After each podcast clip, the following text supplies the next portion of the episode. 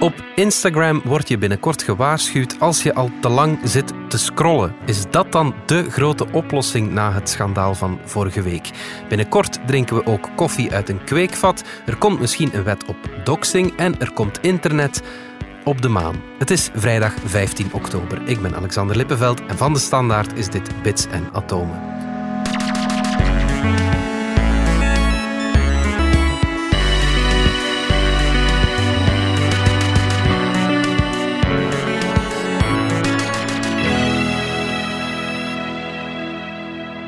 Dominique Dekmijn, technologiejournalist en Pieter van Doorn, wetenschapsjournalist.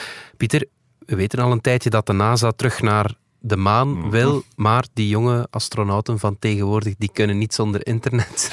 Dus daar komt nu verandering in. Ja, en vergeet internet, het wordt LunaNet. LunaNet, oké. Waarom hebben ze dat daar nodig? Dat is een goede vraag. Ehm, als je alleen op de maan zit, heb je dat niet nodig. Maar als je met een paar mensen tegelijk op de maan zit, begint het handig te worden dat je continu contact met elkaar hebt. Met eh, Houston en eh, met god weet wat nog allemaal. Ja, En de Amerikanen zijn blijkbaar van plan om met voldoende mensen continu op de maan aanwezig te zijn. Om het nuttig te maken om zo'n internet aan te leggen. oké. Want dat kost natuurlijk wel een cent. Je moet dan eh, Ja. basisstations hier en daar zetten. Je moet voldoende satellieten erboven rondhangen hebben. Ja. Je moet iedereen met zender-ontvanger uitrusten om te zorgen dat er communicatie is. Je moet dat bovendien redundant doen. Dus je moet zorgen als er één ergens een knooppunt uitvalt, dat eh, Ja. de signalen nog via een ander knooppunt kunnen. Dus je moet genoeg knooppunten hebben. Nou, Ja. kost een aardige cent. Maar de Amerikanen hebben gezegd, oké, we hebben niet veel centen, maar het wordt tijd om ze in de maand te investeren. Dan, dan moet je toch al met heel veel volk daar zijn om dat de moeite waard te maken. Absoluut. En hoeveel, hoe- hoeveel zullen dat er dan zijn? Mensen die via dat Lunanet communiceren? Weten ze nog niet, maar ze mikken op eh, groei. Er zal Oké, één ja. basis om te beginnen, waarschijnlijk aan de Zuidpool. Daar is veel water. Mhm. En bovendien, de Chinezen willen daar ook naartoe. Dus eh, reden te meer om er eerst te zijn. Ja. Komt misschien een tweede basis. Er zijn wat expedities die misschien nog aan het rondrijden zijn. Straks komt er misschien een observatorium op de achterkant van de maan. Mhm. Goed afgeschermd tegen alle lekstraling van de aarde. Mhm. En alle ruis die dat meebrengt. Op dat observatorium zitten ook weer mensen. Bovendien, eh, zo'n eh, sterrenkijker, dat genereert eh, nogal wat data. Dus je moet zoveel megabit ook nog naar de aarde kwijt kunnen. Ja. Dus het is op groei berekend. Ja. Hoe werd dat dan vroeger gedaan? We kennen natuurlijk allemaal die beelden van Neil Armstrong Ja. en Buzz Aldrin. Wat, wat dat was nog nu weer? met een camera op een statief en met een Ja. kabel Maar toen werd er toch ook al gecommuniceerd onder elkaar en met de aarde. onder elkaar. Maar dat was op korte afstand. Ze zagen elkaar. Ja, Dus dan kon je met eh, heel korte afstands radio doen. ja met een walkie-talkie. Met walkie-talkie, zeg maar. Ja, ja. Of ehm, tegenwoordig doen ze het ook met infraroodlasers. Zolang Mhm. je elkaar ziet, kun je vlot met elkaar eh, praten. Maar als je natuurlijk in zo'n jeep kruipt en je zit eh, op zo'n kleine maan meteen achter de horizon, dan is het gedaan met rechtstreekse communicatie. Mhm. Dus vanaf dan moet je heen en weer via een satelliet die ergens boven hangt. Ja. In het begin was dat kwestie van te mikken, van eh, even wachten. Ja, daar is die boven de horizon. Nu hebben we even een minuut communicatie, hij is weer weg. Wachten tot de volgende ergens anders boven de horizon komt. Hebben we weer twee minuten communicatie. Paf, valt dat weer uit. Mhm. Dus nu gaan ze zorgen dat er links en rechts stations staan, vaste stations met een vaste positie. Dat elke jeep zijn eigen eh, Ja. station heeft, dat elke ruimtevader enzovoort enzovoort. Ja. Nu, de bedoeling is niet alleen eh, communicatie, tweeweg eh, communicatie. De bedoeling is ook dat er eh, GPS komt, dat ze dus voortdurend een positie kennen. Dat vraagt ook weer de nodige satellieten. Ja. Dan gaan ze gelijk ook reddingsboeien installeren, zodanig dat als iemand in de problemen komt, dat die meteen gelokaliseerd is.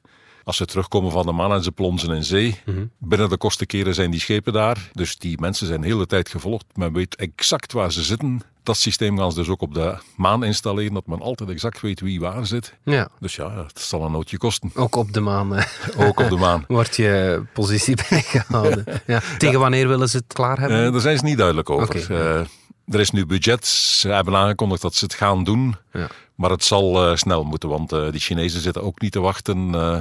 Die zijn al als eerste op de achterkant van de maan geland. Die lonken naar de Zuidpool.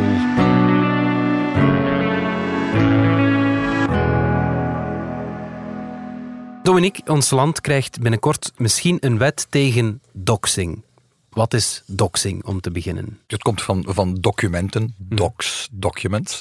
En, en doxing is wanneer je gegevens over iemand op sociale media eh, gaat delen. Bijvoorbeeld, ik, eh, ik ga nu jouw eh, gsm-nummer op Twitter zetten en ik roep iedereen op om jou lastig te vallen Ja. over de, het vorige interview dat jij hebt afgenomen. Dat mag niet. Dat- Kijk, dat, het is niet helemaal duidelijk. Doxing is, ja, als je bijvoorbeeld iemands thuisadres opgeeft, ja, als dat ook elders al op het internet te vinden was, maar ik, ik deel dat nu met, specifiek op Twitter met de boodschap van eh, ga deze persoon maar eens lastigvallen of, of, of bel hem eens wakker. Ja. Dan ja, kun je zeggen van, dan val je al onder, onder bestaande wetgeving rond stalking, belaging, maar toch echt zwart op wit was niet duidelijk dat er zoiets bestaat als doxing, een misdaad doxing. Dus een aantal politici, waaronder eh, Laurent Sanchetta van, van, de, van de PS, ehm, hebben dus een wetsvoorstel eh, geformuleerd dat dat dan zwart op wit duidelijk maakt van kijk, het staat in de strafwet, eh, je mag niet doxen en er staat een definitie bij van wat, wat doxing is. Is dat nodig? Is dat niet nodig? Specialisten zijn het daar een klein beetje oneens over. eh, maar in ieder geval. eh, Ja, er zijn al doden bij gevallen uiteindelijk. Hè. Denk aan Samuel Paty in Frankrijk. ja, precies. Dat is, en dat is het geval dat, dat ook in, in, de, in de inleiding bij, de, bij het wetsvoorstel eh, wo- wordt aangehaald. Dat is hè. die Dus Franse leraar die les gaf over die de, Mohammed die de cartoons. Mohammed-cartoons eh, had laten zien in zijn klas. En dus wiens, wiens naam dan eh, publiek gemaakt is eh, via sociale media.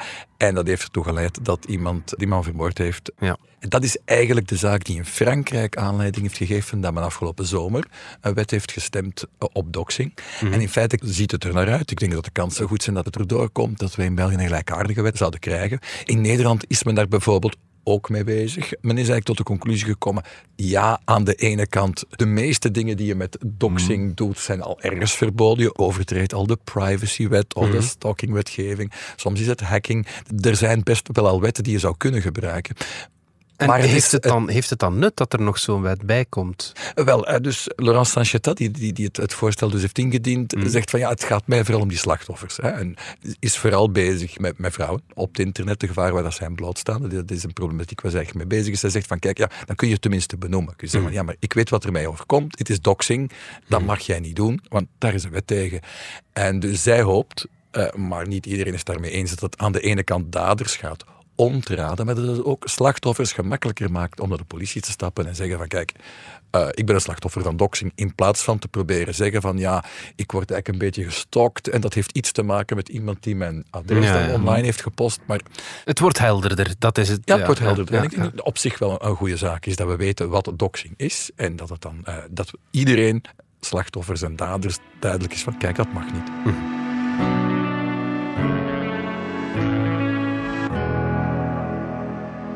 Pieter, we gaan het nog eens over koffie hebben. Mhm. De koffieplant die groeit in gebieden rond de Evenaar, dat, dat Ja. weten we. Maar in theorie kan het nu overal ter wereld. Ja, deze groeit in Finland. Mhm. Niet Daar is het een- koud. niet meteen een eh, tropisch gebied, maar wel het gebied op aarde waar de meeste koffie gedronken wordt, Mhm. per hoofd. ja. En de Finnen zijn er nu in geslaagd om koffie uit het kweekvat te produceren. ja. De koffie die ze maken komt helemaal niet meer van koffiebonen, Mhm. maar van cellen die ze weggenomen hebben van bladeren van een koffieplant. Mhm. Opgekweekt in het laboratorium. Die celkweek hebben ze dan eh, gedroogd, gemalen, eh, gebrand. Mhm. Heet water bijgedaan, aan een proefpanel laten proeven. En volgens eh, die mensen lijkt het op koffie. Ja. De koffieliefhebber, ik, ik noem mezelf soms koffiesnop eigenlijk, omdat ik daar zo mee bezig ben. In mij denkt dan, hoe kan dat koffie benaderen? Ja, hoe wij kan hebben, dat het wel- lekker wij hebben hier ook een, een machine die iets produceert dat lijkt op koffie. Maar daar zitten wel nog koffiebonen in natuurlijk. Ja, de, de cellen komen van een koffieplant. Ja. Net zoals de bonen van de koffieplant komen. En de stoffen die in die cellen zitten zijn zeer vergelijkbaar. Ja. Dus in theorie zou je ook van de bladeren van een koffieplant een soort thee kunnen maken die Ja. dan eh, naar koffie min of meer zou smaken. Ja. Dat is waar ze nu zijn. Ja. Maar het voordeel eh, van dit soort kweekvatdingen is, eh, je moet geen ontbossing gaan doen. Je moet geen insecticiden spuiten. Je moet geen arbeiders uitbuiten. Je moet ze niet transporteren Je van... moet ze niet eh, transporteren ja, met ja. alles dat erbij komt. Je Ja. hebt geen eindeloze hoeveelheden water nodig om die eh, planten te kweken. Mhm. Dus milieutechnisch is het een eh, heel stuk handiger. Het is wel slecht nieuws voor de koffieboeren dan het is natuurlijk. natuurlijk slecht nieuws voor de koffieboeren. En we zijn er ook nog niet te denken, geef ons nog een jaar of vier, vijf, voor we aan een koffie zijn die echt eh, marktrijp is. Maar Ja. het is er komende. Ja, ja, ja. En koffie is niet het enige. Hè. Er zijn heel veel dingen die nu in eh, kweekvaten aan het eh, gisten en aan het rijpen zijn, Mhm. die heel binnenkort eh, de markt moeten halen tegen 2023. Dus dat is ja, binnen iets meer dan een jaar. Hmm, ja, Zouden we vis uit het lab op de markt moeten hebben? oké. Maar vis is veel gezegd. Het zullen eh krabkoekjes zijn, dus eh krabvlees. Ja, oké. Dat heeft minder structuur en is wat gemakkelijker te maken dan echt eh, visvlees. Maar het is een eerste stap Maar het is een natuurlijk. eerste stap. Ja. In datzelfde jaar mikt eh, Moza Meat, het eh, bedrijf uit Maastricht van eh, Mark Post, degene die in 2013 de eerste hamburger laten zien heeft, eh, die uit een kweekvat kwam, die willen dan ook op de markt zijn met hun hamburger. Ja, Die eerste die kostte een kwart miljoen euro. Nu zitten ze aan 10 euro. En ze denken eens we op de markt zijn en we in massa kunnen gaan produceren, dan zakt dat al snel naar zeg anderhalve euro. De prijs van ook van een klassieke hamburger. Ja, oké. ja, ja. En, zeggen ze, ook met structuur en smaak van een klassieke hamburger. Ja. Die eerste leek wat op een hamburger, maar je moest toch een beetje goede wil hebben. Ondertussen eh, kunnen ze niet alleen spiercellen kweken van eh, runderen, maar kunnen ze ook vetcellen kweken. Mhm. En in goed vlees zit zowel spierweefsel als vet. Mhm. De hemoglobine, die moeten ze er nog bij doen. Mhm. Dat moet nog ergens uit eh, planten bijvoorbeeld gehaald worden. Ja. Uh, en een eitje moet er ook nog altijd in als je een hamburger wil bakken. En een beetje paneermeel.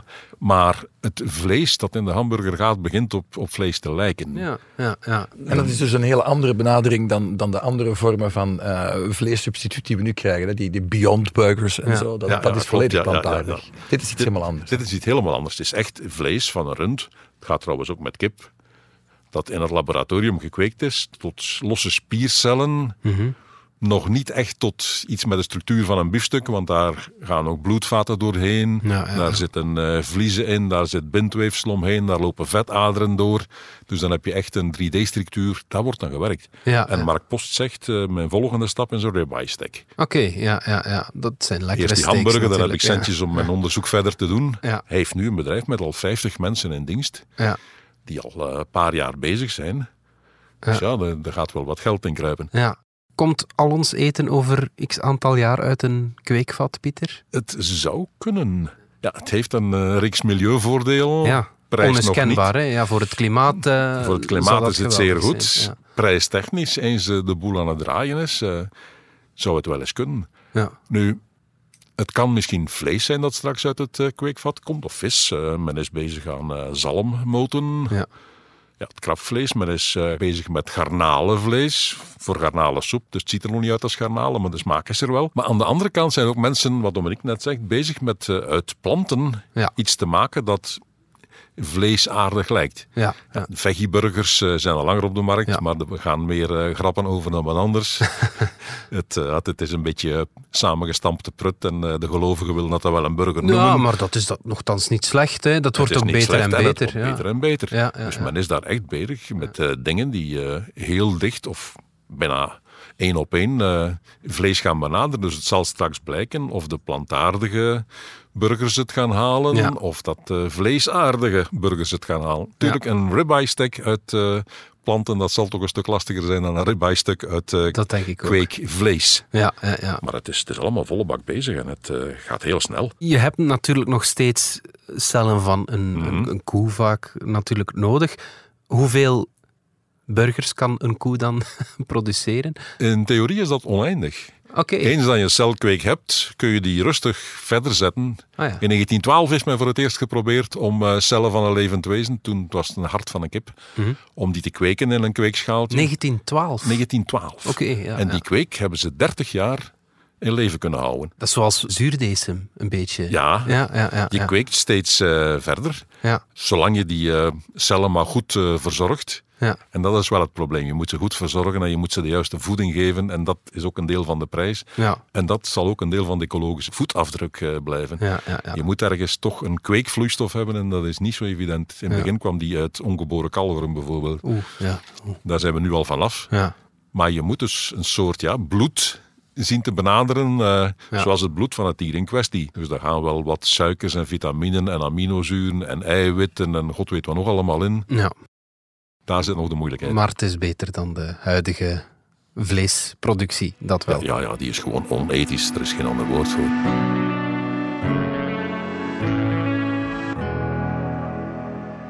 Dominique, op Instagram krijg je binnenkort een soort duwtje als je te lang zit te scrollen. Wat gaan ze juist doen? Of dat binnenkort zo is, dat, eh, dat is nog af te wachten. Maar het is zo dat, ja, eh, eh, we hebben het allemaal wel gehoord. Eh, Facebook heeft een probleempje. Er is Ja. een klokluider en die heeft wat interne studies gelekt. Waaruit dan onder meer blijkt dat Facebook al jaren weet dat hun Instagram-app, dat heel veel jonge meisjes klagen dat ze daar eh, inhoud zien die niet zo gepast is. En vaak het gevoel hebben dat dat negatief is voor hun zelfbeeld.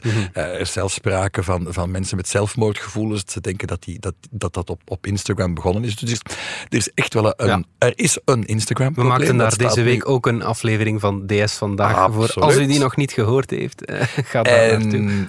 Voilà, dus er is een Instagram-probleem. Ja. En diezelfde week was Facebook ook nog eens een uur of zes onbereikbaar. Ja. Dus er was een probleem. En wat het doet Facebook dan? Dan sturen ze Nick Clegg uit. En, Ja. Want Nick Clegg is eh, een hele sympathieke man. Ik ken die vooral die een als heel eh, mooie- die een mooi- oud-politicus in Ja, eh, natuurlijk, het Verenigd is Koninkrijk. een Ja. voormalige vicepremier Ja. van, eh, van Engeland. Maar heeft ook een heel Brits accent en dat vinden de Amerikanen fantastisch.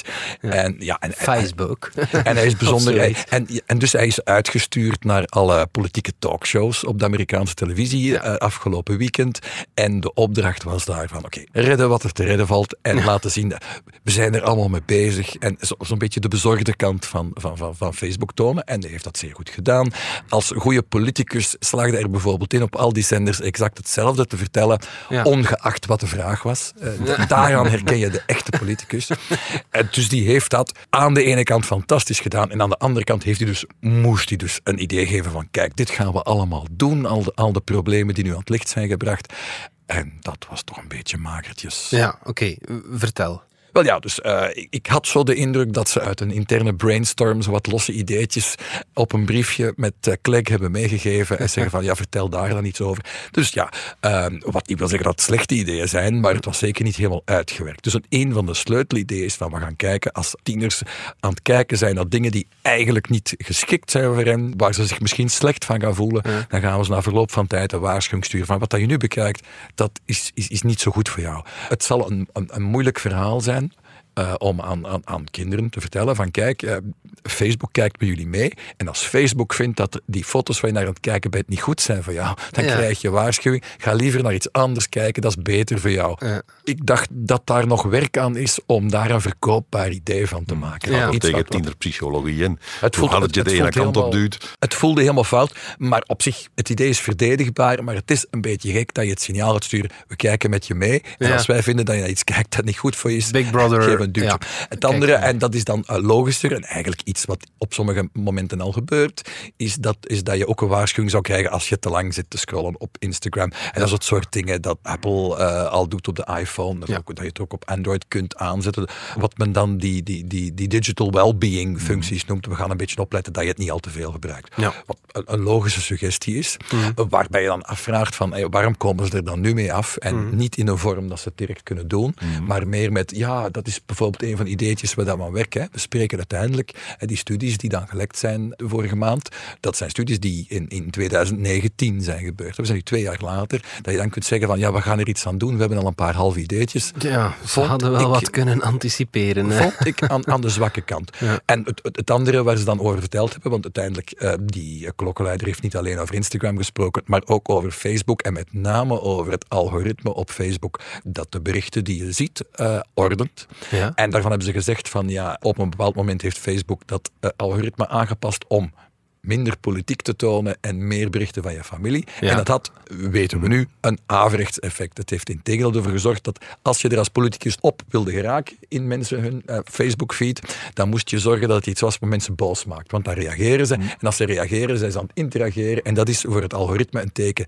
dat je die inhoud interessant, belangrijk mm. vindt. Dus die veranderingen aan het algoritme hebben eigenlijk gezorgd dat we meer haatberichten, meer polariserend nieuws uh, en ook meer desinformatie te zien krijgen. De oplossing van Nick Clegg uh, was dus, uh, die hij dit weekend dus is, is, komen vertellen, was van, ja, we, gaan, we hebben nu een nieuw plan, we gaan minder politiek en meer gezin in je newsfeed steken. Wat is exact hetzelfde verhaal is het Het is exact hetzelfde verhaal.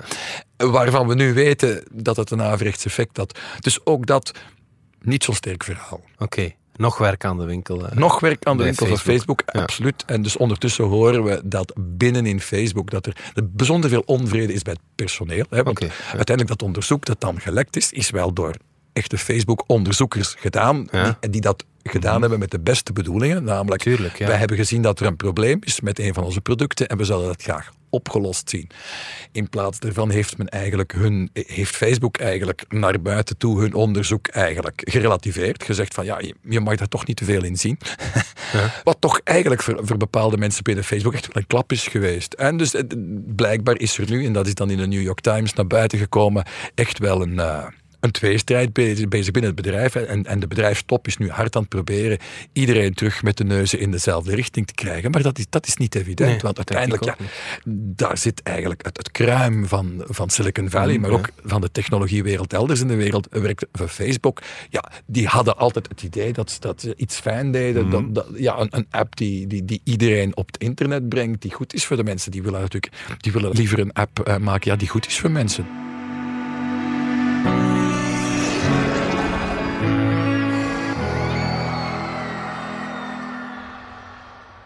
Dan gaan we naar de dino van de week. Die komt uit Wales, dus ik vermoed dat hij een onuitspreekbare naam heeft, Pieter. Valt mee. Valt mee.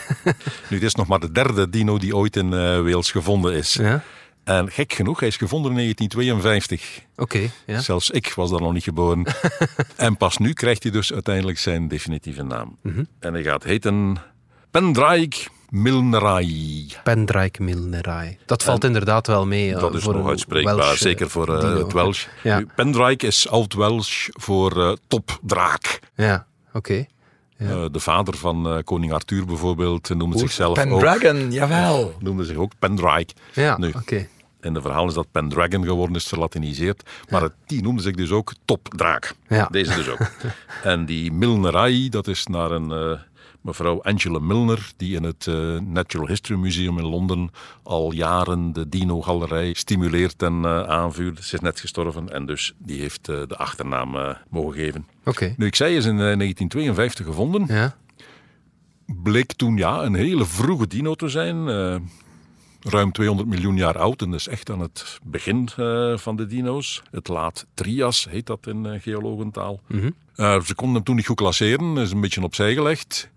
Pas in de jaren 80 heeft men hem dan nog eens goed bekeken en gezegd: oké, het is een Sintarsus. Dat is ook een vroege dino. Hij valt in die groep. Verder niks speciaals aan te beleven. We hebben uiteindelijk niet veel. Het is een bekken, een stukje ruggengraat, nog ergens een losse wervel en een linkerdijbeen. Ja. Oké, okay, Sintarsus. Nu, C13 is de soort Sintarsus uh, opnieuw bekeken geweest. Die is geherdefinieerd. De normen zijn allemaal wat aangepast. Het is uh, scherper gezet bij nieuwe vondsten. En ze hebben moeten zeggen, ja, de onze die past er eigenlijk niet meer in. Oké, ja. Dus we gaan hem nog eens bekijken. Ja. Oeps. Hij ligt hier niet meer. Ah, oei. dat is dus een museum met kilometers aan galerijen en laden en schuiven en uh, kasten. dus die moet ooit verkeerd gelegd geweest zijn, ze waren hem kwijt. Ja. Maar gelukkig, Angela Milner, die een heel goed uh, visueel geheugen had blijkbaar, die zei, ik denk dat ik hem weet liggen. Hij stikt ergens in een schuif met krokodillen. Oké, ja, Geef ja. mij een uurtje, ik kom er wel mee boven. Ja. En inderdaad, uh, die heeft hem teruggevonden. Ze hebben hem opnieuw uh, bekeken en nu hebben ze moeten zeggen, nee, het is toch wel een soort apart. Dus we gaan hem zijn eigen naam geven. Okay. Heeft het formaat van een kip. Maar uh, het was al een uh, kip die een T-Rex was in het diepst van haar gedachten. Ah, ja. Ze was toen al toch een top-predator uh, in, in die periode. Ja. Attila de hen, zou je kunnen zeggen, zoiets. Je wil haar niet tegenkomen. nee. nee. Oké, okay. goed. Dankjewel. Dit was Bits en Atomen, de wekelijkse podcast over wetenschap en technologie. Bedankt voor het luisteren. Ken je trouwens DS Podcast al, de podcast-app van de Standaard? Daar luister je niet alleen naar onze journalistieke reeksen, je krijgt ook elke week een eigenhandige selectie van de beste nieuwe podcasts op de markt. Alle credits van de podcast die je net hoorde vind je op standaard.be-podcast. Reageren kan via podcast.standaard.be. Tot volgende week.